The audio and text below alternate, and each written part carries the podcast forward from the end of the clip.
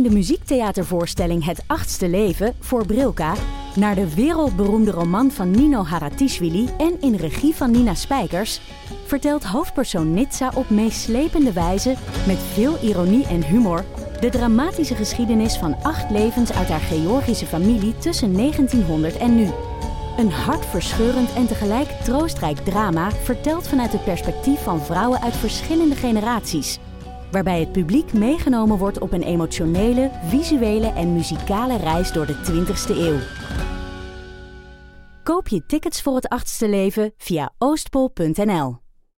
Je hoort mensen wel eens zeggen dat het boek beter was dan de film, maar wij van Boeken FM streven naar om de podcast beter te laten zijn dan het boek. Wij lezen de klassiekers die je nog niet gelezen hebt. We lezen de boeken die je heel graag wil lezen, maar waar je eigenlijk voor schaamt om in het publiek mee gezien te worden. We lezen de Libris-winnaars. Uh, we praten over de Nobelprijslariaten. Allemaal zoals je een etentje hebt, je moeiteloos mee kan praten en dat het lijkt alsof je helemaal belezen bent. Wij zijn Ellen, Joost en Charlotte van Boeken FM en je kunt ons luisteren in je favoriete podcast-app. Hallo sexy beesten, preutse, poekies en mensen die werkelijk waar helemaal niets met het onderwerp seks hebben, maar toch zijn ingetuned. Welkom bij Damn Honey. De podcast over shit waar je als vrouw van deze tijd mee moet dealen. Mijn naam is Nidia. En ik ben Marilotte. En dit is aflevering 92. En wel aflevering 92 deel 1. Want de Damn Honey Yes en No die hebben we dit keer in een losse aflevering gezet.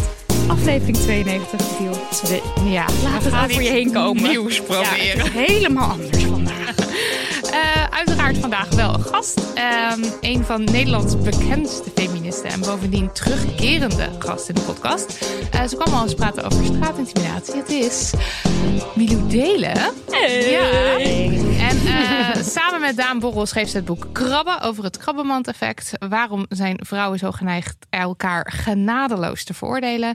Ze is journalist, schrijft onder andere voor Linda, Het Parool en Cosmopolitan. En ze heeft samen met haar moeder Barbara van Beukering een vaste column in opzij. En vandaag kom je praten over je nieuwste boek, dat vanaf volgende week in de winkel ligt. Namelijk Hoe doen we het? Een zoektocht naar het seksleven van vrouwen, waarvoor je 14 vrouwen hebt geïnterviewd. Ja. Ja, Nou, dankjewel voor de mooie introductie. graag gedaan. Welkom, hallo. Leuk dat je er weer bent. Ja, heel leuk dat ik er weer ben. En wauw, 92 afleveringen. Ja, veel hè? Ja, Ja. gaat maar Holy moly, binnenkort gewoon 100. I know. Ja, die moeten we vieren. Ja, dan moeten we wel ja. Groots. Ja. Moeten we confetti naar al die honingballen opsturen of zo. Oh. Duurzame confetti. Ja, Ja. mensen, ik, ik ben er mails voor.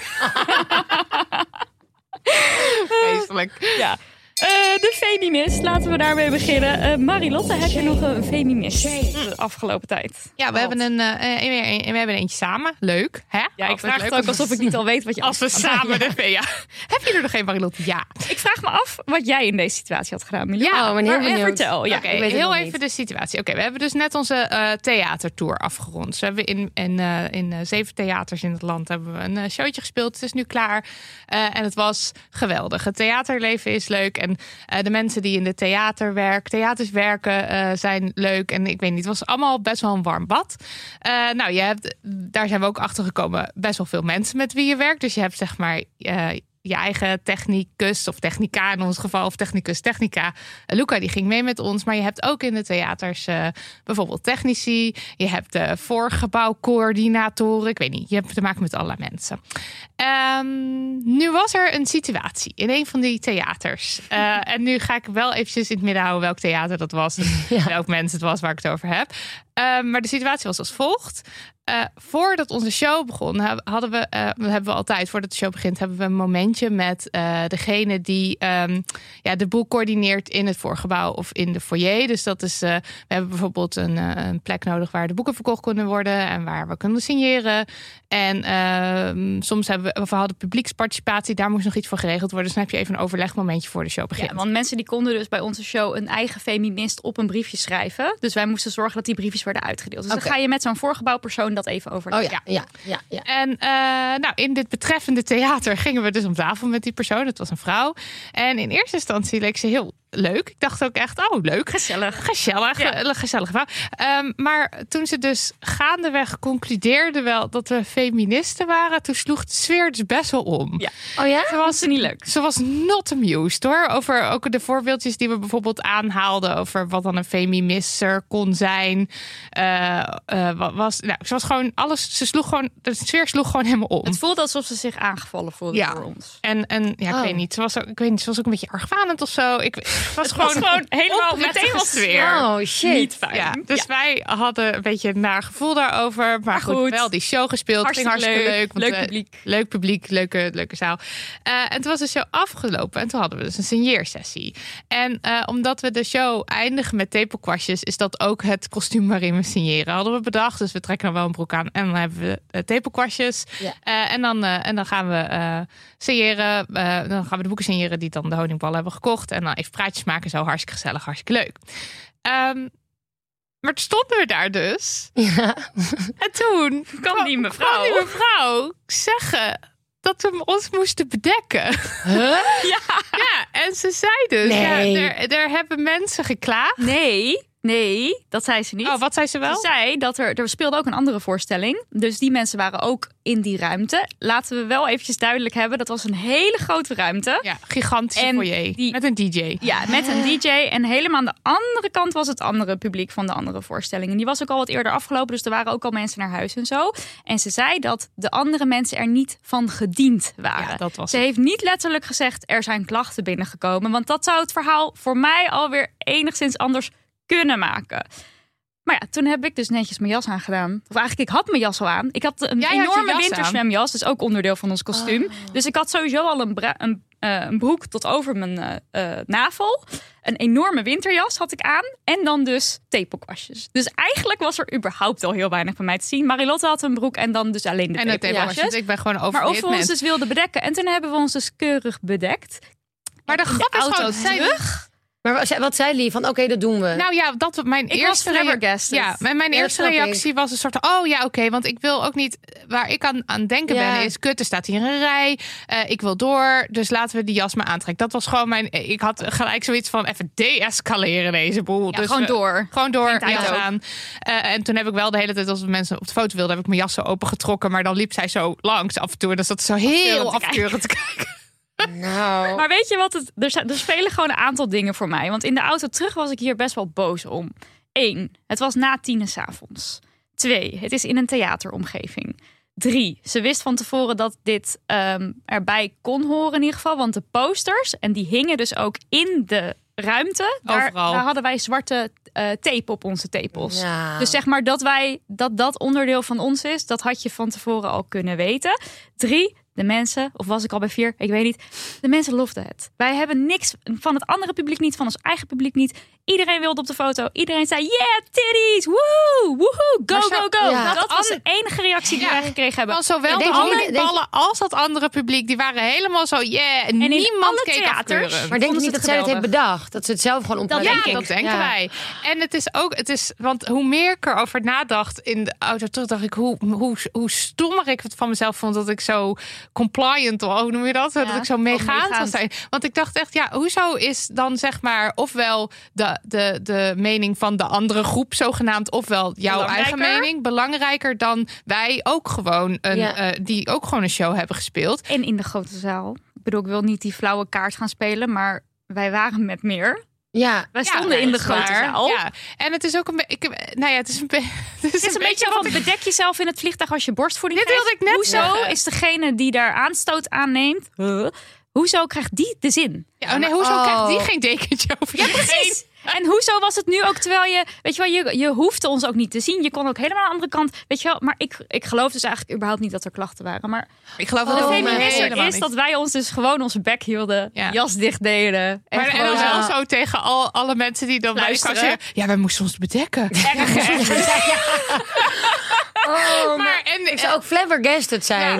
maar ik zat toch later nog te denken... oh, we moeten eigenlijk daar nog een mailtje over sturen... of iets van communie. Maar dat, dat heb ik ook niet meer gedaan. Ook omdat het druk is. Maar ook, weet je, ik heb gewoon ook dan weer... eh, Dat is, ja, ik weet niet. Ik had geen zin in of zo. Terwijl ik dat... Nu denk ik weer, ik ga godverdomme mail schrijven. Ik Ja. ben het er niet mee eens. Ehm, Bedek jezelf, werd ons verteld. ja, en wij deden dat. Terwijl Oh. we Zou de jij het hele ook gedaan tijd hebben, zeggen- denk je? Of weet je het niet? Ik hoop dat ik er tegenin zou gaan op Ja. een nette manier. Maar ja, dat hadden jullie, als ik dit, dit aan jullie had verteld, hadden jullie dat waarschijnlijk ook gezegd. Van, ja, waarschijnlijk wel. Ja, dus je weet nooit hoe je op het moment zelf reageert. En je wil inderdaad dan dat je denkt anderen tot last zijn. En je bent er Ja, toch dat ook. ook te gast om daar te spelen. Precies. Ja, weet ik veel ook. ik weet het niet. Ja, precies. Ja, ik, Weet ik Oh. veel ook wat normaal is in een theater, weet je wat? Dat is het ook. Het is allemaal nieuw voor ons. Nu achteraf, ja. ik denk als we er nu over gaan praten met andere theatermensen, dat die allemaal zeggen wat een onzin. En dat ik me daar dan ook weer misschien gesterkt in voel. Eh, maar ik voel me gewoon nog zo nieuw ook hier. Het verrast je ook, omdat het voor ons zoiets normaals is, die tepelkwastjes, dat ik het zelf ook niet... Ja, ik Ik zie het, zie het ook Nee. totaal niet als revealing of obscene of seksueel of zo. Het is voor mij gewoon een outfit. Ja, Ja, onderdeel En van de- dat is misschien ook wel voor haar was het natuurlijk niet gewoon een outfit. Nee, en dat ik- snap ik wel hoor. Ja. En ik denk dus ook, want ik, want ik ben toch altijd verbaasd. Vaak dan vragen mensen wel van, eh, oh, gaan jullie dan met dit het tepelkastje signeren? Mogen mensen dan ook foto's maken als een soort van even checken of dat Ja, inderdaad wat heel mag? lief en fijn is dat ze dat Ja, checken. maar heel waarvan fijn. wij denken, oh ja, Tuurlijk mag ja, ja, ja, ja. leuk juist. Ja. Dus Oh. eh, ik denk dat ja, onze perceptie van wat het is om tepelkwastjes te dragen verschilt ook denk ik wel heel erg van dan wat zeg maar meer de massa vindt Ja. daarvan. Maar dit was wel eigenlijk niet oké. En ik ja, vind het een enorme feminisser van ons allebei dat we gewoon zetten. Oké, Oh, ja, ja, juist ook dat ze zei, kunnen jullie even bedekken? Bedekken, dat hoort ook. Ik zeg niet van, kunnen jullie wat aan bedekken? Dat klinkt Bedekken, preus. ja. Oké, Oh. Er één? Ja. Nou, ik had eigenlijk twee kleine dingetjes. Ehm, en één iets bij- gaat meer over mijn boek. En ik ben benieuwd of dat echt feministisch is. Maar dat is iets waar ik zelf mee zit. Ja. Maar eerst even een heel klein, dat is iets minder concreet voorbeeld. Nog, ik was vorig weekend eh, met mijn beste vriendin in Londen. En zij vertelde, en ik haatte dus dat ik dit nog van mezelf doe en denk. En zij vertelde over haar manager. En toen zei ik, oh, gaat hij? Ja, ja, ja. ja, ja. En Een een zij. classic. Ja. En toen dacht ik, godver... of, ja, dacht, kut. Ja. En, ehm, en dat heb ik vaker nog steeds. Hè? Als iemand Ja. vertelt over een directeur of een... Dokter, Ja, ik een denk gewoon... Ja, ja, een spion. Maakt niet uit. noem Iedereen maar is een wat. Iedereen is man. Iedereen is een man. Ja, Dus daar een ik van. man, hè? En Ja. dan schaam ik me ook. Ja, je denkt dat als, zie je voor ja, je. Precies, je denkt Ja. als Ja. laatste aan een zwarte vrouw. Ja. Precies, nou ja. Eh, bij dat soort beroepen. Nou, in ieder geval, eh, daar baal ik dan heel erg van mezelf. En dan schaam, voel ik me betrapt. Ja, maar Oh, dan shit. faal je het Ja, feminist ja, dat faal je als feminist. Nee, dus dat is, eh, was één ding. En ten tweede gaat over dat ik... ehm, ehm, maar ik weet even niet of dat feminisme is. Maar wel, want ik vind dat ik niet genoeg voor mezelf ben opgekomen. Oké, kom maar op. En dat was, ik had voor mijn boek eh 15 vrouwen geïnterviewd. 15 bekende vrouwen. En de dag dat het boek naar de drukker ging... heeft een van die vrouwen zich teruggetrokken. Oh nee. En ik heb zo... En ik bedoel, ja, ik heb zo over me heen laten lopen. Want dat management en zij waren behoorlijk onaardig eh, aan de telefoon. Hmm. Hmm. En toen heb ik helemaal niet. Ik, heb, ik moest ook huilen. Dat hebben zij niet ge- gehoord en gezien. Omdat ik natuurlijk ten eerste in de stress had over dat het boek naar de drukker moest. Ja. En dat ik heel erg beledigd was door alles wat ze zeiden. Ehm, en, eh, en toen heb ik gewoon gezegd: ja, nee, is goed. Ja, nee, we halen het weg. We halen het weg. Oh ja, dat- dit is eigenlijk hetzelfde verhaal Ja, als ja. onze en verhaal. dat kan in principe niet. Dus eigenlijk kan ik zeggen, we publiceren het. Maar ja, omdat het dan mijn eigen boek is... je wil ook niet dat daar vervelende dingen omheen ontstaan bij de lancering... of dat iemand zich uit gaat spreken. Dat wil je gewoon niet rondom je eigen boek. Dat is anders geweest als ik het voor een krant had geschreven of zo. Dan had de krant kunnen zeggen, we publiceren het gewoon. En Ja, als je boos bent, kom maar naar mij toe. naar de krant. Nu word jij echt persoonlijk ook aangekeken. Ja, daarop. meer. Ik, meer dan de uitgeverij, omdat het zo'n persoonlijk boek is. Mhm. Maar ik heb daar zo van gebaald. En ik heb er echt van wakker gelegen van... En ik heb ook wat jij nu zegt over... Ik heb daarna, ik heb toen bedacht, nou, ik ga volgende week een mail, Mail sturen. sturen. Heb je niet gedaan? Nee, Nee. ook omdat, het toen, omdat ik het dan al een beetje heb losgelaten. Ja. En ik dacht dan, maar ik had ook kunnen sturen van... ehm, ja, ik, dat ik me onprettig bij het gesprek had gevoeld. En dat het heel vervelend is. En dat zij weet dat je je niet zomaar kan terugtrekken na een interview. Zo werkt het gewoon niet. En dat weet Nee. zij. Ja. Dat, weet ze, dat weet dat management natuurlijk ook. Dus ehm, ja, zo over me heen laten lopen. Echt niet voor mezelf opgekomen. Nou, misschien moeten we dan ons voornemen dat we wel die mail sturen. Ja, Allebei. ja. Ja, misschien wel. Mail. De- Gewoon dat je Ja. in ieder geval het voor jezelf. Dat, want nu, ik had het ook losgelaten. Maar nu ik er weer over praat, zit ik weer helemaal mezelf op te fokken. En dan, Ja, dan heb je in ieder Ja. geval die mail gestuurd of zo. Dan is het ook als ze doen, niks mee doen, whatever. ja niet antwoorden. Dan heb je het voor jezelf afgerond. Het gaat ook denk ik in Ja. allebei de situaties niet eens zozeer in het al dan niet meegaan in wat de ander zegt, maar meer in gewoon het over je heen laten Ja. komen. Ja. Dus als je nou in ieder geval nog je argumenten had kunnen geven, of ik vind dit ervan, of ik vind dit niet prettig, of whatever, maar dat ook allebei Nee, niet. niks. toch? Nee. Ik zei gewoon, oh, Is ja, goed. vervelend. ik zei nog wel, ja. Het kost wel echt aan het huilen. heel. Goed, ja. ja. En je hele boek op de schop. Ja, het was gewoon heel, is gewoon heel kut. Ja. En ook, ehm, en het is ook qua, qua, ook qua journalistiek is het gewoon, wil ik niet dat mensen zo met de journalistiek omgaan, dat ze zich laten interviewen en terug- terugtrekken. Want dat is ook een machtsverhouding. Ja. Dat ik denk, oh ja, zo iemand is heel bekend. Oh ja, eh, en dat, dat wil ik ook niet. Dus ook ter verdediging van de journalistiek had ik het ook moeten doen, vind ik. Mm, Ja. En Ja, in ieder ja. geval, want uiteindelijk had je misschien nog wel dezelfde beslissing gemaakt, namelijk eruit te Dat halen. denk ik maar, dus. maar je had het wel gewoon eventjes Ja. willen zeggen dat het zo niet zomaar gaat. Precies, Ja. precies, want daar zat hem in. Uiteindelijk, als zij er echt uit had gewild, ik wil dat niet in mijn boek. Dus Nee, dan precies, ja. ook voor mijn eigen boek. Maar eh, dan had ik in ieder geval, was ik in ieder geval voor mezelf opgekomen. Ja. Nou, nu nul. ja. Nou, oké. dan ja. Die Werk mail- aan de ja, winkel, ja. mensen. Ja. Tijd voor post. Post. Post. Post. Oké, eerst een leuk bericht. En eh, fun fact, dit is een bericht van Sarah. En die was bij onze allereerste podcastshow in Brille. Ik blijf maar doorgaan over dit theater. Maar Ja, nee, ga verder. Leuk. Eh, na afloop van elke show hebben we eh, appgroepen gemaakt voor alle mensen uit het publiek. En daar konden ze dan allemaal zo in. En daarin hebben we gevraagd aan hen om te delen wat het feminisme hen had gebracht of heeft gebracht. En dit is de ode aan feminisme van Sarah. Ik heb vorig jaar een actie, de zaakjes, gehouden. Mijn TikTok over feminisme ging viral. 1,3 miljoen views. En toen dacht ik, hier ga ik iets mee doen. Ik heb op social media opgeroepen om WR op je hand te schrijven, Women's Rights. En ik als 14-jarig meisje wilde gewoon dat jongeren er meer bewust van werden wat er allemaal speelt. Zo ontzettend veel mensen hebben dit gedaan en ik kreeg ook onwijs veel vragen van bijvoorbeeld jongens uit mijn klas. Wat feminisme eigenlijk inhoudt en waarom er nou zoveel ongelijkheid is. Feminisme brengt mij kracht en ik durf mezelf te zijn. Feminisme brengt mij ook herkenning en alleen maar lieve mensen. Oh, Yay! Bijna kippenvel. Wat lief. Sarah. Lekker Wat bezig. cool, wat leuk. Ja. Wat vet. Gaan we door naar het poststuk. Ik weet niet, is dat denk ik ook een intro voor? Die heb ik weggeknipt. Ik weet niet waarom. Het begint midden in de brief. Sorry mensen. Of niet midden in de brief, maar bovenaan de brief. Ja. Het zit zo. Ik werk als docent in het hoger onderwijs en specifiek binnen de psychologie. Voor een studieopdracht van een vak moesten studenten voorlichtingsmateriaal maken over uiteenlopende onderwerpen, waaronder ook onveilig slash veilig seksueel gedrag onder middelbare scholieren. Er waren wat dingen die ik opvallend vond aan het voorlichtingsmateriaal dat studenten hiervoor maakten. Voornamelijk dat veel studenten het materiaal ontwierpen volgens de algemeen geaccepteerde man-vrouw norm. Overwegend veel roze-blauw kleuren, geslachtssymbolen, etc. Voordat ik verder ga wil ik onderstrepen dat ik dat op geen enkele manier fout vind of vond, dat absoluut niet. Wel deelde ik deze observatie via een Teamsruimte in de chat om dit eens onder de aandacht te brengen bij collega-docenten. De snelste manier om iedereen te bereiken, leek me daarom handig. Naast het benoemen gaf ik aan dat ik het zinvol vond om studenten op een vriendelijke, niet belerende manier mee te geven dat het materiaal misschien nog inclusiever had gekund en waarom dat wenselijk zou kunnen zijn. Op die manier hoopte ik collega's te bereiken die misschien zelf ook op zoek zijn naar een manier waarop ze studenten hier bewust van kunnen maken zonder veroordelend over te komen. Ik sloot af met te zeggen dat zij dit misschien ook wel zouden willen doen, maar dat dat ze natuurlijk helemaal vrij staat, dus studenten erop aanspreken. Of zoals jullie altijd zeggen, zelf weten.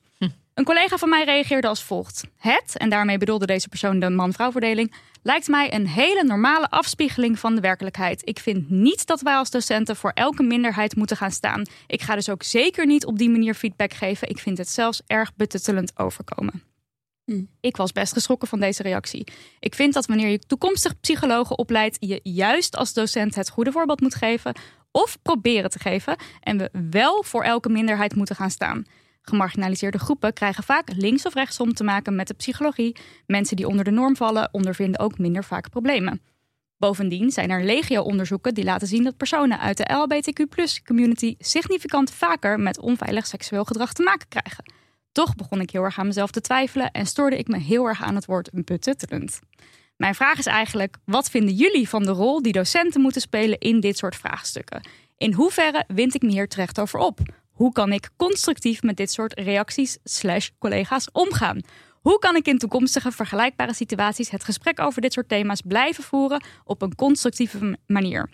Ik wil zeker niet mijn ideeën opdringen of mensen het gevoel geven dat ik ze betuttel, maar denk wel dat we vanuit onze professionele docentrol een zekere morele plicht dragen wanneer we studenten voorbereiden op de huidige maatschappij en de thema's die daar leven.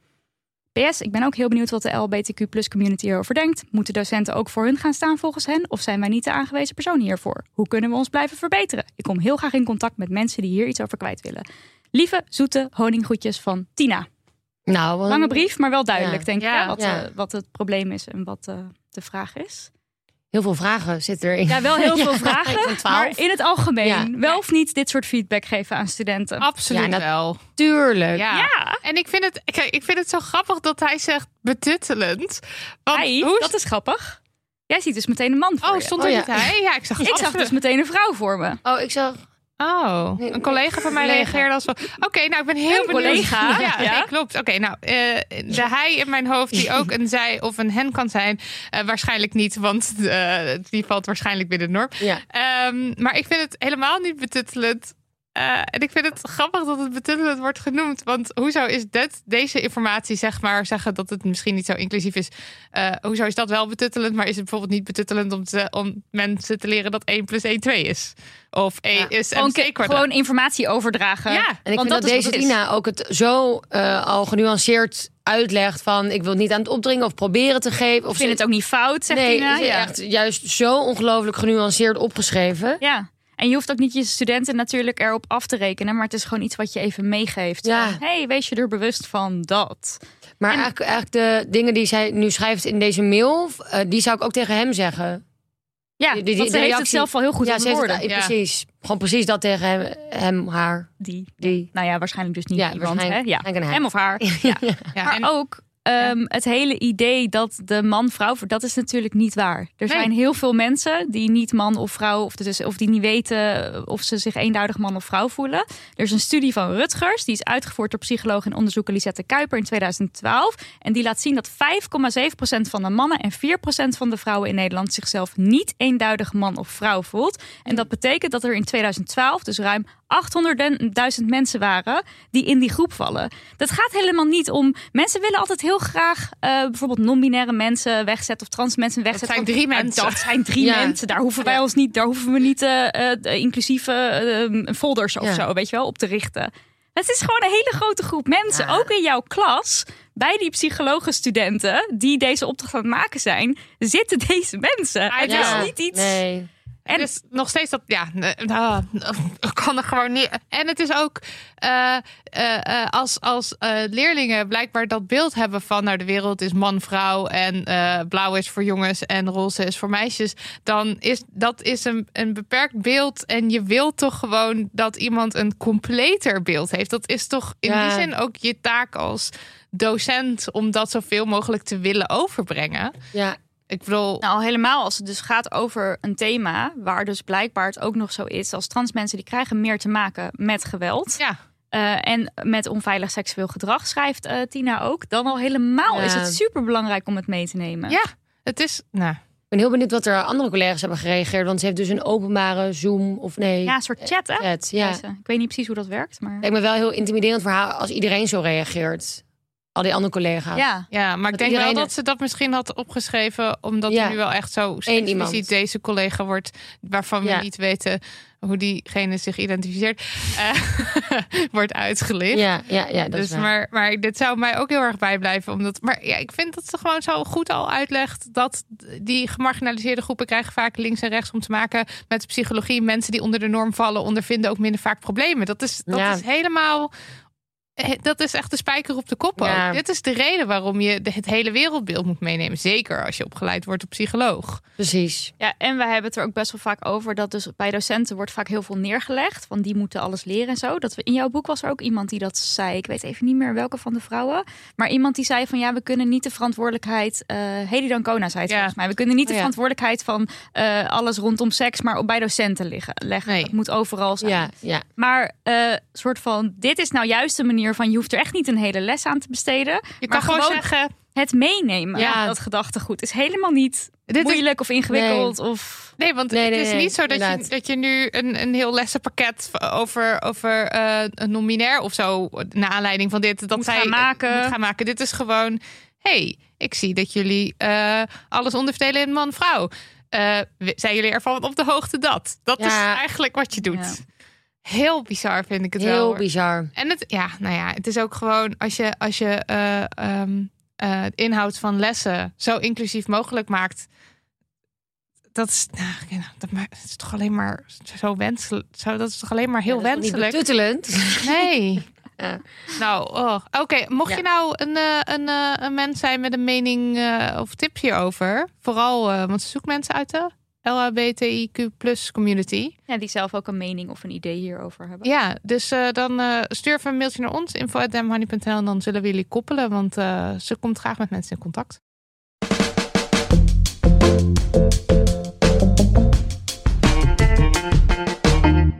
We moeten het even hebben over seks. Ja, Seks. hoe doen we het? En dan met we hebben we het dan even in dit geval specifiek over vrouwen. Eh, Milou, jij, jij kwam het leven in denkend, nou, dat met seks en zo, dat zit allemaal wel goed. Man, Ja. vrouw, als we wel even de binaire norm maken, daar is niet echt een verschil meer in. Er is voor gestreden. Ja, ja ik, ik groeide echt op met het idee... de seksuele revolutie is geweest. De emancipatie, seksuele emancipatie is voltooid. Dat dacht ik. Ja, dat dacht ik lang. En dat is ook omdat je dat eh, van huis uit zo meekreeg? Of wat, wat gaf jou het idee dat dat zo was? Ja, ik Meer gevoel. Ja, en er werd ook nooit over gepraat dat het niet zo was. Dus ik dacht altijd dat dat zo... Ja, en ik groeide op met een moeder juist die, ehm, eh, die daar best wel open over was. Dus ik dacht, al, oh zie je, ik heb een groot voorbeeld ja, wat daar open over is. Dus ja, dan, dan, zullen, dan zal het wel, zou iedereen er wel open over zijn of zo. Ja, dit is gewoon hoe het dan is. ja, omdat ik dat al in mijn gezin meekreeg. Maar ja, hoe ouder ik werd, hoe meer ik eh, ermee te maken kreeg dat het niet zo is. En, en wat zijn de voorbeelden daarvan, waar, waardoor dat zeg maar dat beeld van, oh god, we zijn er nog helemaal niet, werd geshatterd? Nou, ik denk eigenlijk pas de afgelopen jaren. En ik denk dat het begon met toen ik zelf zo werd geslutshamed. Daar heb ik mij vorige keer ook al verteld. Maar dat Mag ik, je nog een keer vertellen? Ja, hoor, kort. ja, als je wil. Als je niet in- wil, hoeft het niet. Ja, even in één zin. Maar dat ik te maken kreeg bij eh, eh, de studentenvereniging... waar ik zat met heel veel slutshaming. En daar heb ik me over uitgesproken. En toen was ik eh 21. En daarvoor voelde ik al wel dat er dingen...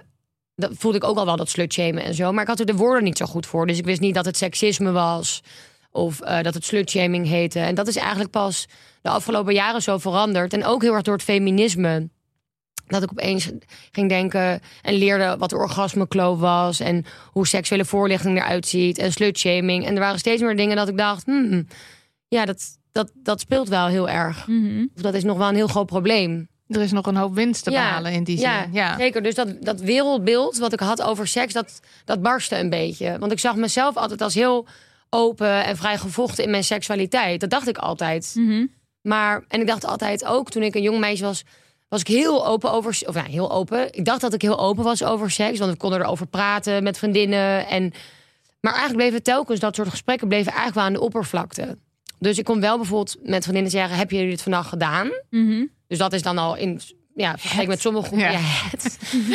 Penetratie bedoel ik dan. Ja. Maar ehm, eh, dat is natuurlijk vergeleken met sommige vriendengroepen al heel open. Ja. Maar het ging nooit verder dan dat. Dus het was eigenlijk niet, ben je klaargekomen, deed het pijn? Ja, Zijn er, wat doe je dan ja, eigenlijk? wat doe je? Eigenlijk wa- was het meer op een soort lollige, botte manier. Mhm. eh, die ik misschien wel kopieerde van de jongens om me heen. Van zo praten zij over seks, dus dan doen wij dat ook een beetje. Ja. Maar echte gesprekken over seks, die heb ik eigenlijk heel weinig gehad. Ja. En toen dacht je, laat ik eens een boek hierover Ja, schrijven. Dat ik laat ik een boekje over schrijven. Ja. Ook omdat, ehm, omdat het me eigenlijk verbaasde. Vroeger, toen ik opgroeide, waren er echt bij- bijna geen verhalen van vrouwen over seks. Dus mijn grote rolmodel was Samantha uit Sex in the City. Ja. Mm, ja. Hey. ja. Ehm, Ik ben het dus voor het eerst nu aan het kijken. Dus ik zit er helemaal, ja, I know, kniediep in. En het is wel echt, hij is wel echt inderdaad heel open. En je ziet echt alles. Maar nog steeds denk ik hoor, vergeleken met wat je Ja. nu nog ziet qua series eh, op tv. En vooral in die tijd. En ook super echt veel vooruitstrevend. naakt, naakt Ja. tennis ook echt, ja. Ja, Ja. Ja, oh wat grappig dat je dat niet eens kijkt. Ja. ja samen met mijn vriend. Elke avond. Ehm, maar zij was dus de enige die ik kende, tussen aanleidingstekens, die zo open erover sprak. Maar ik kon me natuurlijk helemaal niet met haar identificeren. Want zij was 30 plus en woonde in New York, en heel rijk en whatever. Dus, ehm, en en eh, ik moest Jan Wolkers lezen voor mijn literatuurlijst. Waarin grensoverschrijdend gedrag wordt verheerlijkt. Dus eigenlijk, en dat waren eigenlijk de enige twee bronnen van seks die ik tot me nam Ja. qua, ehm, ja, qua lezen of eh, kijken of et cetera. Wat, ja, dat waren eigenlijk de enige dingen. En ik dacht, ik wil eigenlijk meer verhalen van vrouwen over seks de wereld in. En hoe ervaren zij seks? En die verhalen heb ik opgeschreven. En Ja. je hebt dus veertien verschillende vrouwen geïnterviewd. Ja. Eh, je hoeft ze niet alle veertien te noemen, maar wa- wat voor soort, hoe kwam je op die keuze? Wat, Ja, ehm, ik, wilde, ja, ik wilde zoveel mogelijk verschillende vrouwen spreken. Dus ook qua leeftijden. Mhm. Vooral ook. Dus het was niet alleen voor jonge vrouwen. Maar ik wilde... eh, ja, voor mij de jongste is dan Stien, den Hollander. Die is volgens mij 20. Ja, zo- Zoiets. Nou ja, in ieder geval begin 20. Ja. En dan de oudste is Helen Kona. En die is 84 of zo. Dus, die, dus dat vond ik heel leuk. En hoe ik eigenlijk heb bedacht wie ik wilde spreken was... Ik wilde vrouwen spreken ehm, die al dingen over seks hebben gezegd en gemaakt. Dus Helene van Rooyen of Emma Wortelboer, Joy de Lima. Maar ik wilde niet alleen maar vrouwen spreken die veel over seks zeggen. Want ik was ook benieuwd waarom ik sommige vrouwen, zoals Stien en Hollander... Bird Lewis, Tjitske Reidinga, die wel veel in de media zijn... waarom ik hun er nog nooit over had gehoord. ja. Oh, En ja. Of daar iets achter zat. Dus ik wilde eigenlijk een mix aan vrouwen. Ehm, ja, ik wilde eigenlijk een mix aan vrouwen. En wel bekende vrouwen, omdat, omdat zij rolmodellen zijn. ja. Dus als zij erover praten, dan zullen hopelijk meer mensen het normaal vinden. En vond jij het spannend om ze te vragen hiervoor? Oh, wat een grappige vraag. Ehm, nee, volgens mij niet dat ik me kan herinneren. Maar ik kreeg ook veel nee's. Oh ja, Ja. je krijgt veel neus. Ja, ja ik kreeg ook veel nee's. Dus eh, de- mijn- ja, mijn moeder of vriendin zei van... je krijgt sowieso één op de twee ja. Nou, dat was niet zo. En eh, ik kreeg dan dus van elke twee verzoeken één ja. Ja. Maar het was echt heel veel vrouwen die zeiden... ik support je missie totaal en ik vind het heel belangrijk... maar ik durf het gewoon niet. Ik ben bang voor de reacties. Ik vind het te Oh, persoonlijk, Ja, privé. Ja. Dus eigenlijk was iedereen heel enthousiast over het idee. Maar veel durfde niet, wat ik ook helemaal begrijp. En ehm, ik had het ook zo bedacht dat ik de eerste drie vrouwen eh, zou vragen. Ik, had, ik heb niet in één keer meteen 15 vrouwen gemaild. Mm. Maar ik wist dat ik ze een beetje met elkaar. eh, ja, dat ik ze een beetje. Ja, moet- als je kan zeggen die en die doen Ja. al mee, dat helpt. ja, terwijl meestal voor een ander onderwerp. Stel, ik zou nu een boek schrijven over, weet ik veel, planten. En zou zo- gewoon 15 één keer mails eruit sturen. Ja. Ja. Oh, hier een plan staan. ja, vandaar. Ehm, en, maar bij deze dacht ik, dit moet ik heel voorzichtig aanpassen. Dus eerst drie, dan de vierde mailen, dan de vijfde. Dan de, Ja. Dus van die en die en die doen mee. En ik dacht ook, het moet in een boek, want ik wil dat deze vrouwen zich veilig voelen. Dus niet... ehm, dus dan... Ik, een artikeltje of Nee, dat een soort vluchtig. kan worden Ja, en en dat je je dan naam en seks en dat je dan dat krijgt. Dat kreeg Ja. ik bijvoorbeeld volgens mij van Stien terug van... Ik had in een tijdschrift, zou ik dit niet zo snel doen... maar omdat het in een boek is, voelt het veilig dus met de vrouwen ja. Ja. onderling of zo. En dat vond ik wel vet, want dat was precies ook waarom ik eh, er een boek van wilde maken. Dus ja. En, eh, ehm, eh, en waren, hoe waren de gesprekken? Waren die het, hetzelfde of wel echt heel verschillend? Nee, echt verschillend. Ja, En welke- juist omdat ik denk ik zo weinig van dit soort gesprekken... überhaupt met vrouwen die ik niet ken, maar ook met vrouwen die ik wel ken, heb gevoerd... dacht ik, ik wist niet dat we ook zo verschillend erover konden denken. En op- oh, heb, je een, heb je een voorbeeld? Ja, dus bijvoorbeeld Tjitske Reininga zei best wel dingen over eh Grensoverschrijdend. gre- grensoverschrijdend gedrag. Dus bijvoorbeeld, ja, ik moet even op- oppassen als ik de vrouwen goed kwam. Maar ze zei in ieder geval iets van als vrouwen. Vrouwen kunnen het zelf een beetje uitlokken als ze een doorschijnend shirt aan hebben. Of Ja, ze zo, dat het zielig was ah, voor ja, die weet jongen. Misschien niet zo letterlijk, maar ik weet ook dat Ja. toen ik het las, dat ik dacht, Oh, oké, ja, heftig. Ja, Maar ook goed om te lezen. ja, Want ik dacht, ja, je kan nu wel veertien keer dezelfde.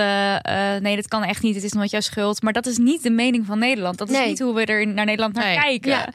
Dus dat is eigenlijk oneerlijk als Ja. je dat zou doen. en precies, want als ik stel, ik had jullie geïnterviewd en nog een paar andere vrouwen die met Heel feminisme- sekspositief, Ja. heel erg altijd maar hadden we allemaal, open. wij zouden waarschijnlijk allemaal een beetje dezelfde dingen Ja. zeggen. Dus ik werd even geconfronteerd met mijn eigen feministische bubbel. En dat ik dacht, heel veel mensen denken zo. En het is ook niet. Dat is, was ook een soort re- reminder van. Als ik haar quote zou zien lezen, als ik niet weet dat die van haar zou zijn, zou ik er heel boos over worden. Mhm. En nu was ik er natuurlijk kritisch op en zei ik wel, "Huh, wat zeg, wat zeg je nou? Ja, Tuurlijk, maar zij zei ook, ja, sorry, ze zei bijna, sorry dat ik dit, eh, dat ik dit vind, maar zo ben ik opgegroeid en ja, ik vind dit, maar ik wil erin leren. En toen dacht ik, ik kwam oh ja, er ook op terug, hè? ik kwam erop terug. Na het interview kreeg ik de dag daarna, of de, of de voice memo van ehm Milou, ik heb er toch nog over nagedacht. Ja, en eigenlijk wel, ja, echt door, jouw gesprek, door dit gesprek, door het gesprek met jou, ben ik, zijn mijn ogen geopend van... dat het ligt natuurlijk helemaal niet aan de vrouwen. Nee, nee, nee, nee. Dus Maar dat kan zo'n gesprek doen. Ja, ja. het eerste gevoel erover of zo is dan Ja. toch nog... Maar dit, dit Ja. alleen al blijkt dan hoe belangrijk het is, dus dat we er meer over praten. ja, ja, Dus dat zo'n gesprek dan, dan toch eh, iemand van gedachten Ja. kan doen veranderen. ja. En praat jij zelf heel makkelijk over seks nu? Zeg maar, eh, praat je dan in die, in die gesprekken ook zelf over seks? Of eh, was het echt interview? Wel echt interview, maar soms wel een beetje... dat je dan een beetje iets van jezelf deelt. Mm, maar ik vind dat zelf, denk ik... ja, wel redelijk makkelijk. Maar door het boek wel.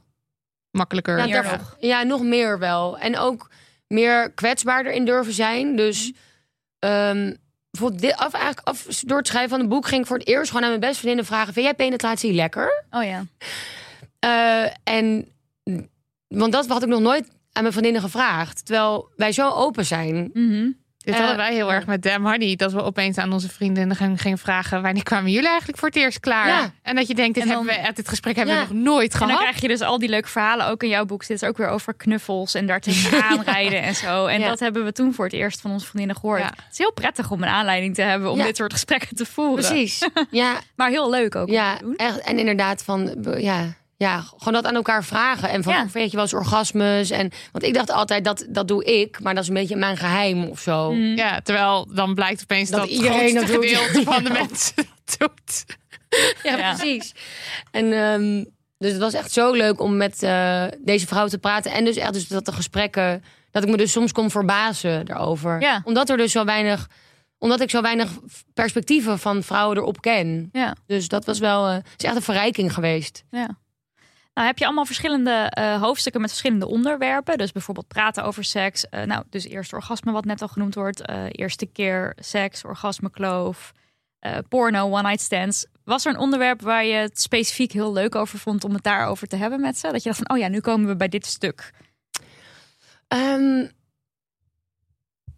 nou, misschien vond ik wel het leukst eigenlijk het praten over seks. En omdat ik in het begin merkte dat, dat ze het heel spannend vonden. En daar begon je ook mee. Praten over Ja. seks als onderwerpje. Ja. Ik begon gewoon, oh, we gingen zitten zeggen, hoe vind je het eigenlijk om hier nu met mij zo erover te praten? Ja.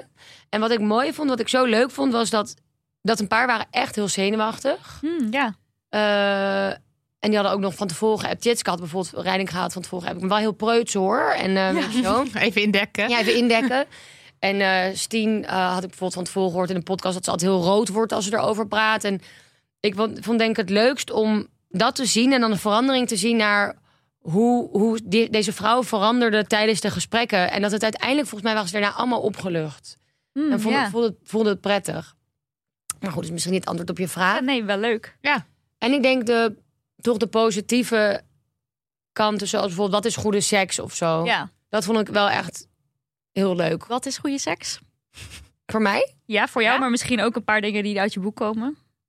Ja, dat was ook wel verschillend uit het, eh, uit het, uit het boek. Ehm, voor mij is het, volgens mij schrijf ik dat ook, ja, ik schrijf dat ook in mijn boek. Nou, in ieder geval dat er consent is. Mhm. Dat zijn gewoon basisvoorwaarden. Ehm, dat ik niet, eh, dat ik diegene heel aantrekkelijk vind. Ja, dat klinkt allemaal heel logisch, maar dat is het dus niet per se. Dat is voor iedereen anders. Ja. Dat is juist het leuke aan Ja. seks. Ehm, dat ik, eh, dat ik heel erg, vooral bij mij is het dat ik niet in mijn hoofd zit, maar heel erg in mijn lijf. Mhm. Ik kan soms tijdens seks zo heel erg nadenken en ondertussen gewoon zitten bedenken van oh ik moet straks nog die klus afmaken. Terwijl soms Ja. kan ik heel erg voelen. Ja. Dat vind ik dan het allerlekkerste dat ik echt het voel. Ehm, het maakt voor mij niet zoveel uit of het met een vaste partner of een losse partner is. Het kan allebei heel goed zijn.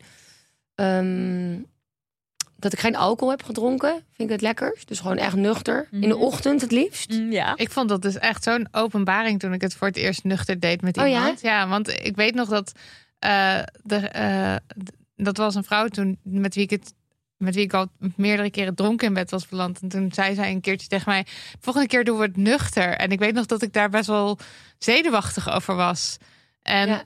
eh, maar dat was echt geweldig. Ja, Ja, ja, dat is ook. Dat is eigenlijk, ja, ik vind dat veel lekkerder. ja ik en niet te het- veel ja, standjes. Gewoon, gewoon, gewoon Normaal. normaal. Hij staat in een normaal. keukenseks. Nee, maar gewoon niet zo. Want je hebt ook wel zo toeters en bellen en zo. Dat kan ik ook heel leuk vinden. Maar ik denk toch gewoon een standje dat je elkaar kan. Vooral met mijn partner nu. Dat we elkaar kunnen aankijken. En ehm, dus ja. En wat, wat, wat is voor jullie goede seks? Ehm, ja, ik, moest, ik vond dat nuchter vind ik grappig, want ik drink dus bijna niet. Dus ik weet, Oh ja. ik heb denk ik Jij weet niet hoe het is om dronken hoe het te is om- Ik ben nog nooit echt heel erg dronken geweest, überhaupt. Dus ik Oh vond ja. het een interessante interactie die hier net gaande was. Ehm, nou, dat voelen, dat vind ik iets. Maar niet alleen zozeer dat je eh, nadenkt over klusjes. Maar ook bijvoorbeeld dat je bezig bent met een soort performen. Daar ging het in jouw boek ook Ja. over. Je hebt natuurlijk die male gaze die we Ja. aangeleerd hebben gekregen. En als je daar nou helemaal vrij van kan komen, wat heel moeilijk is, vind ik zelf. Ehm, en dus niet bezig bent met hoe zie ik eruit of hoe ziet dit plaatje eruit of is dit hoe het hoort of al die dingen. Ja. En dus echt erin zitten, ja, wat jij net eigenlijk ook Ja. al zei, dat echt dat voelen, dat is natuurlijk het fijnst. Maar Ja, inderdaad, die performance. Goed dat je dat voor mij zei Joy de Lima dat inderdaad in mijn boek. Dat, ja, dat gevoel dat, ze joy, denk ik. een performance aan het doen was. Ja. Dat herken ik Heel heel erg. En dat, ja. dat je die geluiden maakt en een gezicht trekt. Dat, Ja. dat je denkt, huh? Ja. Ja, ja, dat snap ik. En eh, nou, sowieso natuurlijk gewoon goed, goed opgewonden, goed nat zijn. Ja. Als soort basisvoorwaarden ook. Maar dat zijn wel dingen die ik allemaal door de jaren heen geleerd heb. Die ik ook heel erg van Ellen Laan geleerd heb. Ja. Ehm, Ja, en en- klaarkomen. Ik wil gewoon klaarkomen. Ja, Ik dat is ook, gewoon ja. voor mij gewoon, Ja. dat hoort er gewoon bij. En dat hebben we ook van Ellen Laan geleerd. Het is een soort ehm, beloningssysteem. Eh, als je eh, als een cisman, cisvrouw seks hebben en de vrouw die komt daar minder in klaar, dan zal ze ook minder zin hebben in Ja. seks. Ja, en, je, En dit door, door orgasmes krijg je ook weer, dan, dan Ja. leer je, seks is leuk. En ik Ja, ben niet per se zo van ik moet heel vaak klaarkomen of zo. Eigenlijk helemaal niet. Maar ik wil wel gewoon klaarkomen. En dat leuke is dus dat dat nu al jarenlang altijd elke sekspartij kom ik klaar. Wow, wat goed. Ja. Love it. En daarvoor En dat- niet. Nee, maar dat komt dus ook omdat ik er dus met Daniel mede door Damn Horny, Ellen Laan, Damn Honey, alles. eh, ook weer jouw boek, weet je. Al die dingen helpen allemaal mee om op te komen voor je eigen plezier. Om, en hiervoor kon ik dus ook bij Daniel ook Ja. wel zo zijn van... Nee, hoeft niet hoor. Eh, huh. Terwijl ik dan echt dacht van sorry, maar zo'n kloppende kut en je moet klaarkomen. en dat het dan maar gewoon afgelopen is. Ja. En dat was voor hem ook gewoon best wel normaal. Ja. Dat was voor ons allebei best wel normaal. Wat ik nu ook echt denk van, hé, hoe kan ja, dat ik nou? kan me dat geleden is het helemaal niet dat voorstellen bij jullie, dat dat aan de hand Ja, is. maar het is wel gewoon allemaal gebeurd. En dat heb ik ook echt wel allemaal eh, geleerd. En heb je daardoor Maar- meer zin in seks met hem? Zeg maar, dat Ja. beloningssysteem, merk je dat ook Ja, echt? ja. en ook eh, ehm, eh, alles buiten penetratie om is bij ons ook gewoon heel normaal. En soms ook seksspeeltjes en noem het allemaal maar op.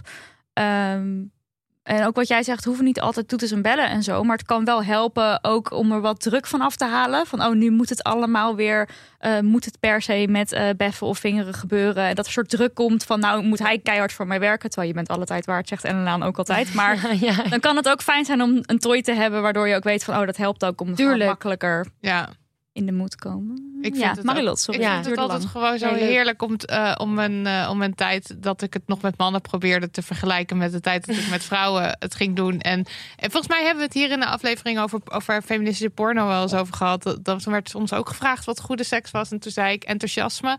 En dat is, dat is denk Ja, ik nog steeds wel omdat ik gewoon het verschil tussen als ik dan met mannen wat probeerde en ik gewoon eigenlijk helemaal niet wilde en ook fake. En jij schrijft in je boek ook, Milou, dat je op een gegeven moment jezelf hebt beloofd dat je ging stoppen met Heb faken. ik ook mezelf ooit beloofd. Ja, Ja, en dat ja. heb ik, mijn tweede vriendje, denk ik. ik heb Ja. het mezelf beloofd omdat ik iemand anders dat hoorde zeggen of zo. En toen dacht ik, ja, waarom doen we dat eigenlijk? Dus Ja. toen ben ik ook gestopt. Maar ik ben, ik, Ben ik ook al gestopt. ik Ja. ben gestopt met Cold faken. turkey. Ja, cold turkey gestopt met faken.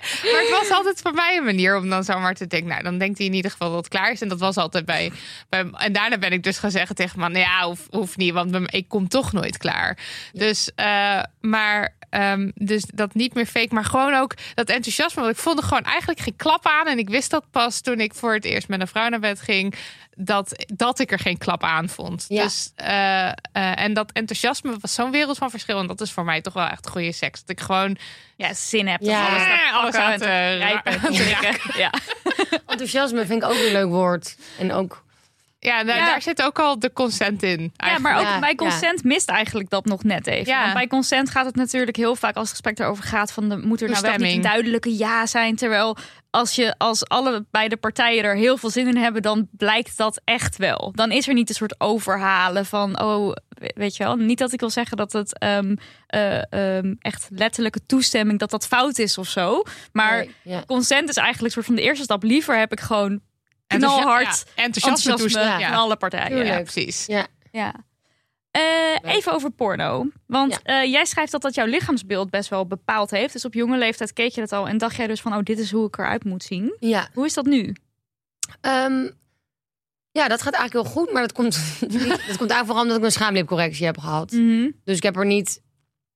Dus zeg maar, mijn Maar- onzekerheid zat tussen in mijn... dat echt alleen daar? Ja, ja. Verder niet? Nee. Nee, nou, nee.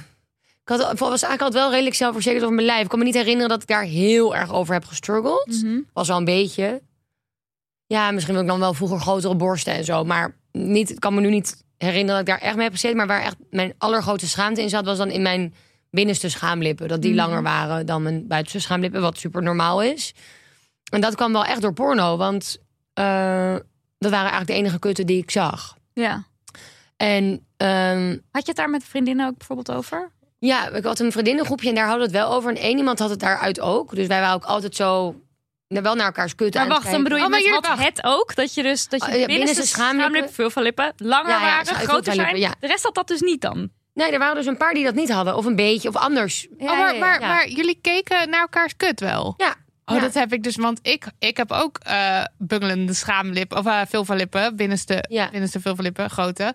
Eh, maar ik schaamde me daar dood voor. Ik heb nog nooit in de, vroeger, nee, ik heb denk, nou, hm, ik heb nog nooit in de kut van iemand anders gekeken. Hallo, mijn kut. Ja, jouw kut. Ja. Maar dat is nu, dat is mijn feministische tijd. Oh, Ja, sorry, vind ik, kijk, een Anders, beetje anders. Maar zeg maar, toen ik jong was en me daar dus heel erg voor schaamde, is dat niet iets waar ik over praat hoor. Ik had dus altijd de schaam, of de ja, schaamlipproductie, zo heet het. Ja. Labia, Labia- eh, labia- correctie. reductie, Ja, ja. reductie. Ja. Ja, die had ik altijd als een soort backup plan van een soort van, nou ja, als het dan ooit zover komt dat ik met iemand naar bed moet dit en ik durf doen. het gewoon niet omdat ik mezelf te lelijk vind, dan kan ik dat Kan altijd, altijd doen. Had ik als backup plan.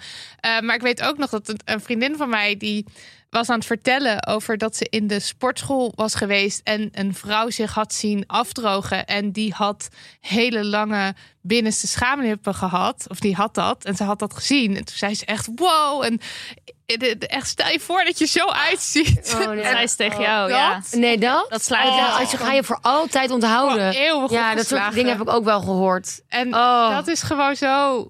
Oh, ja, nee, ik, ik, ik, ik kan het gevoel nog best wel terughalen van toen ze dat uitsprak. En dat ik echt dacht: oké, maar ik moet, er, ik moet er iets aan doen. Ja, En eh, nou, kijk, jij, jij bent uiteindelijk wel tot die actie overgegaan. ja. Ik voel de. Ik ben een mens wat gewoon altijd enorm veel drempels voelt. Dus ik En denk dingen dat dat- uitstelt. En dingen uitstelt voor eeuwig. Oh, ja, Plus een beetje ook gewoon erg op mijn geld. Ik vond het Dat is ook hartstikke, is hartstikke duur, toch? Hartstikke duur. Eh, ja, 1500 euro. Ja, dat, Ja, is- Dat is ja, wel natuurlijk heel veel duur, geld. Ja. iemand begin 20 sowieso veel geld. Ja, maar het is wel. Ik vind het natuurlijk heel veel geld, maar ik dacht dat het veel duurder zou zijn. Ja, het was voor je. Of het Per was- lip misschien. Ja. ik dacht echt. Want, nee, ik dacht echt. Ik, 10.000 of zo. dacht ja, ik dacht echt zoiets. Ja.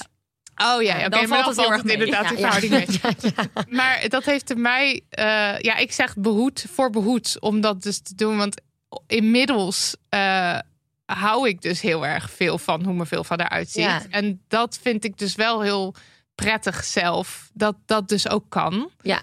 Is, het, is jouw beeld van, ben jij blij? Is, eh, Ja, voor mij is het echt de beste beslissing ooit geweest. ja, wel. Ik kwam er gewoon, ik had het zo geïnternaliseerd. Ik kwam er niet meer van af. Ik, ik weet nog, elk jaar met oud en nieuw dacht ik, oké, dit jaar ga Dit het gaat gebeuren. Oh ja, dit is het jaar Ja, van de is het jaar van de labia-reductie. van Dit is het jaar van de labia-acceptatie. Labia-lip-acceptatie. Nee, dat dacht ik echt. Maar dat kwam gewoon echt niet. En ik dacht ook altijd plan B. Maar ik zag het nooit als een daadwerkelijk iets wat ik kon doen. Ja, Totdat oké. een vriendin zei, maar je kan het ook gewoon doen, hè? En opeens dacht ik, Ja, ik kan het gewoon doen. Ja. En ik, ja, ik ben er wel echt heel blij mee. En ja, terwijl ik ook natuurlijk weet hoe schadelijk het is dat jonge meisjes opgroeien met het idee dat je dat moet doen. Dat je je aan jezelf moet laten sleutelen om het te doen. Dus bij mij was het ook een soort mindfuck van, kut, ik ben feminist. En ik, ja, Dat komt me nu even Oh, niet zo goed uit. te veel kut. Nee, Nee, helemaal niet. Heerlijk. Eh, dus ik ben feminist, maar en ik ben tegen, of ik het we- westers schoonheidsideaal moet veranderen en bla bla. Maar toch wilde ik het gewoon zo graag zelf. en bij mij is het dus echt de beste keuze ooit geweest, omdat gewoon puur die schaamte zat gewoon in dat stukje Ja. vlees. En dat is gewoon weg. Ja, want je leest wel eens van ja, je kan wel wat laten doen, maar uiteindelijk ga je. Nee, nee, ik wist- jij bent gewoon wist- helemaal ik- blij. ik- ja, ik weet nog dat ik mijn moeder vertelde dat ik dit ging doen. En dat was, van- oh, ik was zo zenuwachtig. Maar ik dacht, ik ga niet onder het mes, omdat we gewoon een goede band hebben, zonder het te vertellen. Maar ik had wel het consult gehad en ik had die afspraak al staan. Toen had ik ga het toch tegen haar zeggen. En toen zei ze ook, oké, maar zij zei ook van, ik vind het goed ook omdat, ehm, ik was gewoon 18 plus, maar omdat ik weet dat jij niet vervolgens ook je borst en je buik en je billen alles wil laten doen. Zij wist ook en ik wist ook dat het gewoon puur daarin zat. En dat was ook zo. Maar ik heb daarna wel, want ik heb er een keer een stuk over geschreven voor Vice. En ik heb toen wel, ik krijg, ik denk nog steeds dat ik elke maand drie berichtjes krijg van jonge vrouwen van waar heb je dat gedaan en raad je het aan. En, Mm. en ik weet, denk dan wel, als het een goede, wel overwogen keuze is, ben, ben ik de laatste die zegt dat, dat je dat niet moet doen. Dat zou nogal hypocriet zijn. Maar ik denk wel, oh shit. Dat is een, ja, ik denk dat misschien hebben nu misschien wel 50 meisjes het gedaan omdat ik dat stuk heb geschreven. Is ook een, een voorbeeld, ook- ja, rolmodel. terwijl dat wil ik. Ja, Nee, het is ja, gewoon heel dubbel. Ja, ik snap wat ja, je het is heel dubbel. Ja. Ja, het is Maar laten we even ja. overgaan naar het posten. Ja. Want nu is iedereen Ja. dus blij met de vulva. ja, ja. Ja, ja, ja, Ik heel blij. erg blij, blij. Volgens mij hebben wij ook alle drie bij Fulvarium eh, een vulva-afgietsel laten maken. Ik had toen corona. Nee! Ja, zo kut. Maar ze komt in oktober weer terug. Oké. Ja. Ja, Ah, nou, die die de van ons onze zit in de post. komt ook Oh, ja? binnen. Ja. Ja. dit was dus het Dem Honey bedrijfsuitje van dit jaar. Eh, dat is een, eh, eh, een vrouw uit Oostenrijk. En zij eh, heeft dus een soort, eh, ik leg het maar even uit voor Ja, ja, doe je. Een soort eh, tandartsspul wat ze over je vulva giet. Dus dan lig je in zo'n spreidstand en dan eh, droogt dat even 10 minuten op. En dan maakt zij daar een mooi gipsafgietsel van. En dan heb je een, eh, een beeld, een, ja, een beeld van je vulva. Ja, Ja. en dat kan je dan nog in een kleurtje laten spuiten. En dan ja, die van jou wordt goud. Mijne wordt goud, uiteraard. wit. Ja. Oh, wat vet. En kan eigenlijk niet wachten om het in het echt te gaan zien. Nee, want ik zag je al echt je vulva goed zien, dat is dus eigenlijk ook onmogelijk. Behalve via spiegeltje of heel erg eh, eh, Circus Act. Dus ik ben heel benieuwd hoe het gaat zijn. Ja, het schijnt dus ook dat kijken naar andere kutten helpt dus voor je positiever zelfbeeld. En toen ik opgroeide, of toen zeg maar, wij jong waren, was er helemaal niks. Nee, Gewoon Nee. nul. Nee. En nu is dat natuurlijk wel echt anders al. Maar de invloed van porno ook weer, weer groter. Maar ehm, wat ik wel nog wil benadrukken is dat ik ook veel met vrouwen naar bed ben geweest. En ik vond het nooit erg als zij het hadden. I know. Ja. Ik vond alle kutten leuk. Ik ook. maar het is ook... Maar ik ook. Ja, maar het is ook... Ik denk ook dat jij... Stel, een vriendin van jou was naar jou toegekomen met... hey, ik zit hier mee en ik vind me kut lelijk of zo. Dan had jij nooit gezegd... Nee. Ja, oh, je, moet- dat is, Is gewoon Nee. lelijk. Nee, ik vond, het, ik vond het ook nooit vies of raar. Allemaal dingen die ik bij mezelf dacht. Precies, Al dat ja. viezig of zo lelijk. Dat had ik nooit bij vrouwen. Echt apart hoor. Ja. Hoe je tegen jezelf kan Ja. praten en hoe je tegen anderen Ja, praat. echt fokt op. Ja, heel fucked Ja. up. Dat is het, ja. Eh, is je kijk op seks of je relatie tot seks veranderd door het schrijven van dit boek? Ehm, ja, zeker. Ik denk het wel.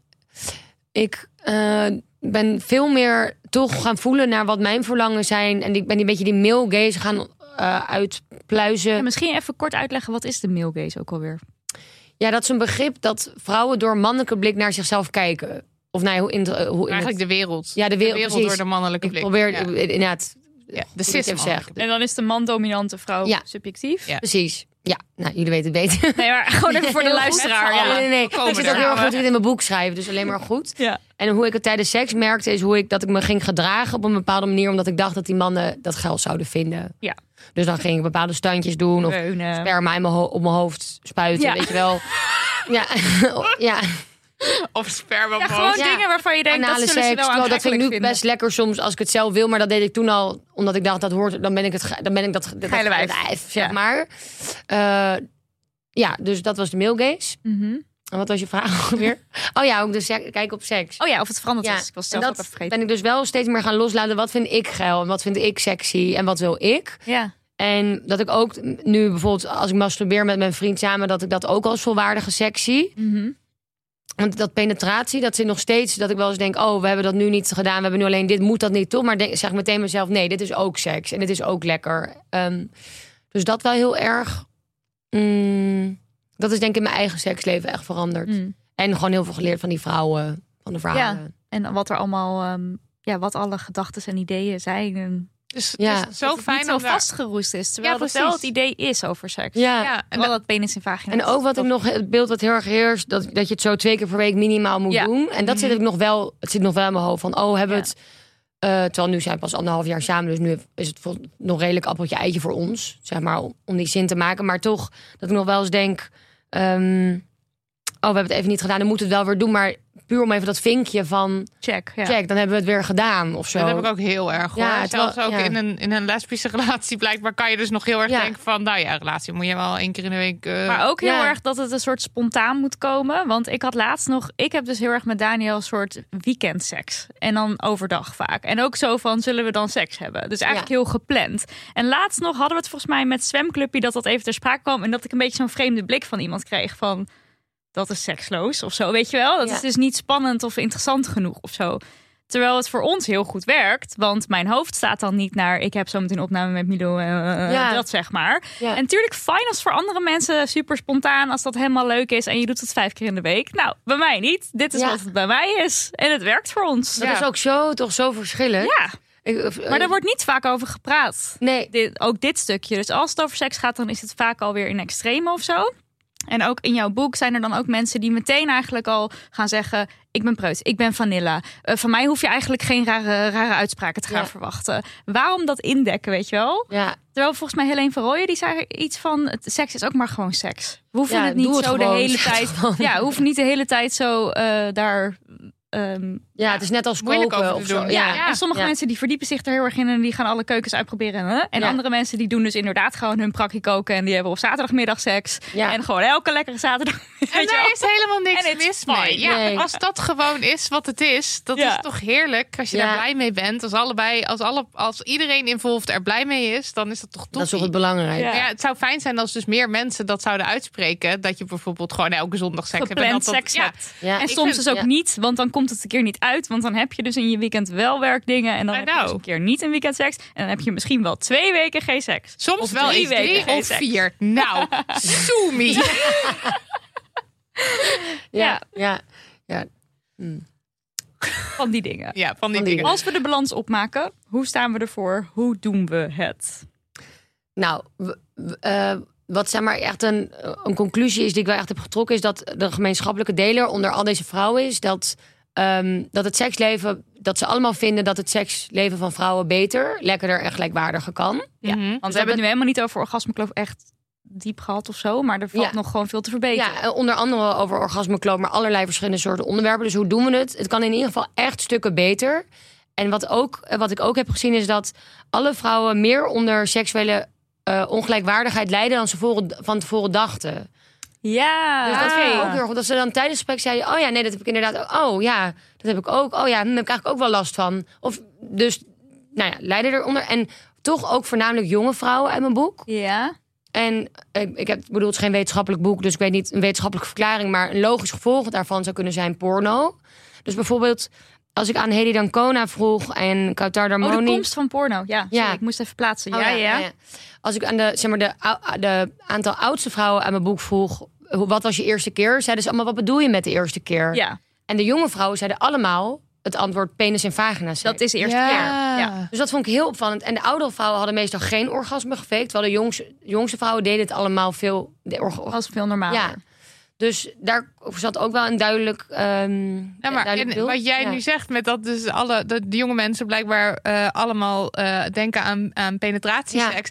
Daarom eh, even terug, terug te komen op die brief van net. Dit is waarom het even belangrijk is om dan aan te stippen Precies. waarom dat niet helemaal klopt, bijvoorbeeld. Ja, zeker. Ja, dus, ehm, ja, dus dat eigenlijk.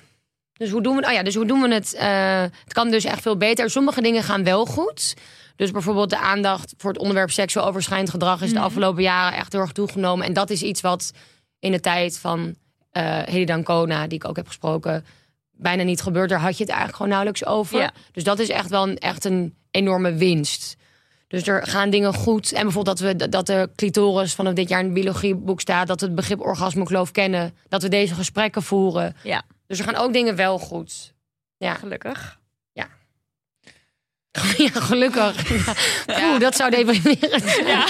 Toch Ja. ook zet dat, nu pas die, dat nu pas die clitoris in het biologieboek staat. Ja. Vind ik eigenlijk gewoon Ja. heel terug. Ja, dat is Ja. ook heel treurig. Maar toch vieren we het dat Ja, het dan toch vieren we het. zover is. Ja, Precies, dat- ja. Nou, eh, hoe doen we het? Ligt eh, vanaf dinsdag, als je dit op zaterdag luistert. Wacht, ik moet even een datum erbij zeggen. 10 mei. 10 mei, heel fijn. Ja. Vanaf 10 mei in de winkel. Eh, de online boekenwinkel, de offline boekenwinkel, overal. En als die er niet ligt, dan moet je zeggen, waarom ligt het hier niet? Zorg eens dat het hier wel ligt. Ehm, dus ja, get your hands on een exemplaar. En hij wordt ook als luisterboek eh, Ja. uitgegeven. Dus dat is ook leuk, denk ik. om Lovely. Op die manier te Ja. nemen. Ah. Dit was aflevering 92, deel 1. Dankjewel, Milou. Ja, jullie komst dankjewel. Ik vond het hartstikke leuk weer. natuurlijk. ja, thanks, thanks, thanks. Heel leuk. Bedankt voor de edit Daniel van de Poppen. Bedankt voor de jingles Lucas de Gier. En bedankt voor de website Lisbeth Smit. Bedankt ook weer aan de transcripters Julia, Emma, Julia, twee Julia's, Ingrid, Marloes, Mariette, Hanne, Maartje en Charlotte. De aflevering van De Baarmoeder die stond dankzij jullie in no time in geschreven vorm op de website. Dat is geweldig. Post kan naar info.damhoney.nl. Altijd leuk als je een vraag voor ons hebt of een leuk bericht. En als je ons steunt op petje.af slash damhoney, dat kan dan met vanaf 1 euro per maand, krijg je dus eh, elke twee weken een gratis, dus niet gratis, bonusaflevering. krijg je een bonusaflevering. Ja.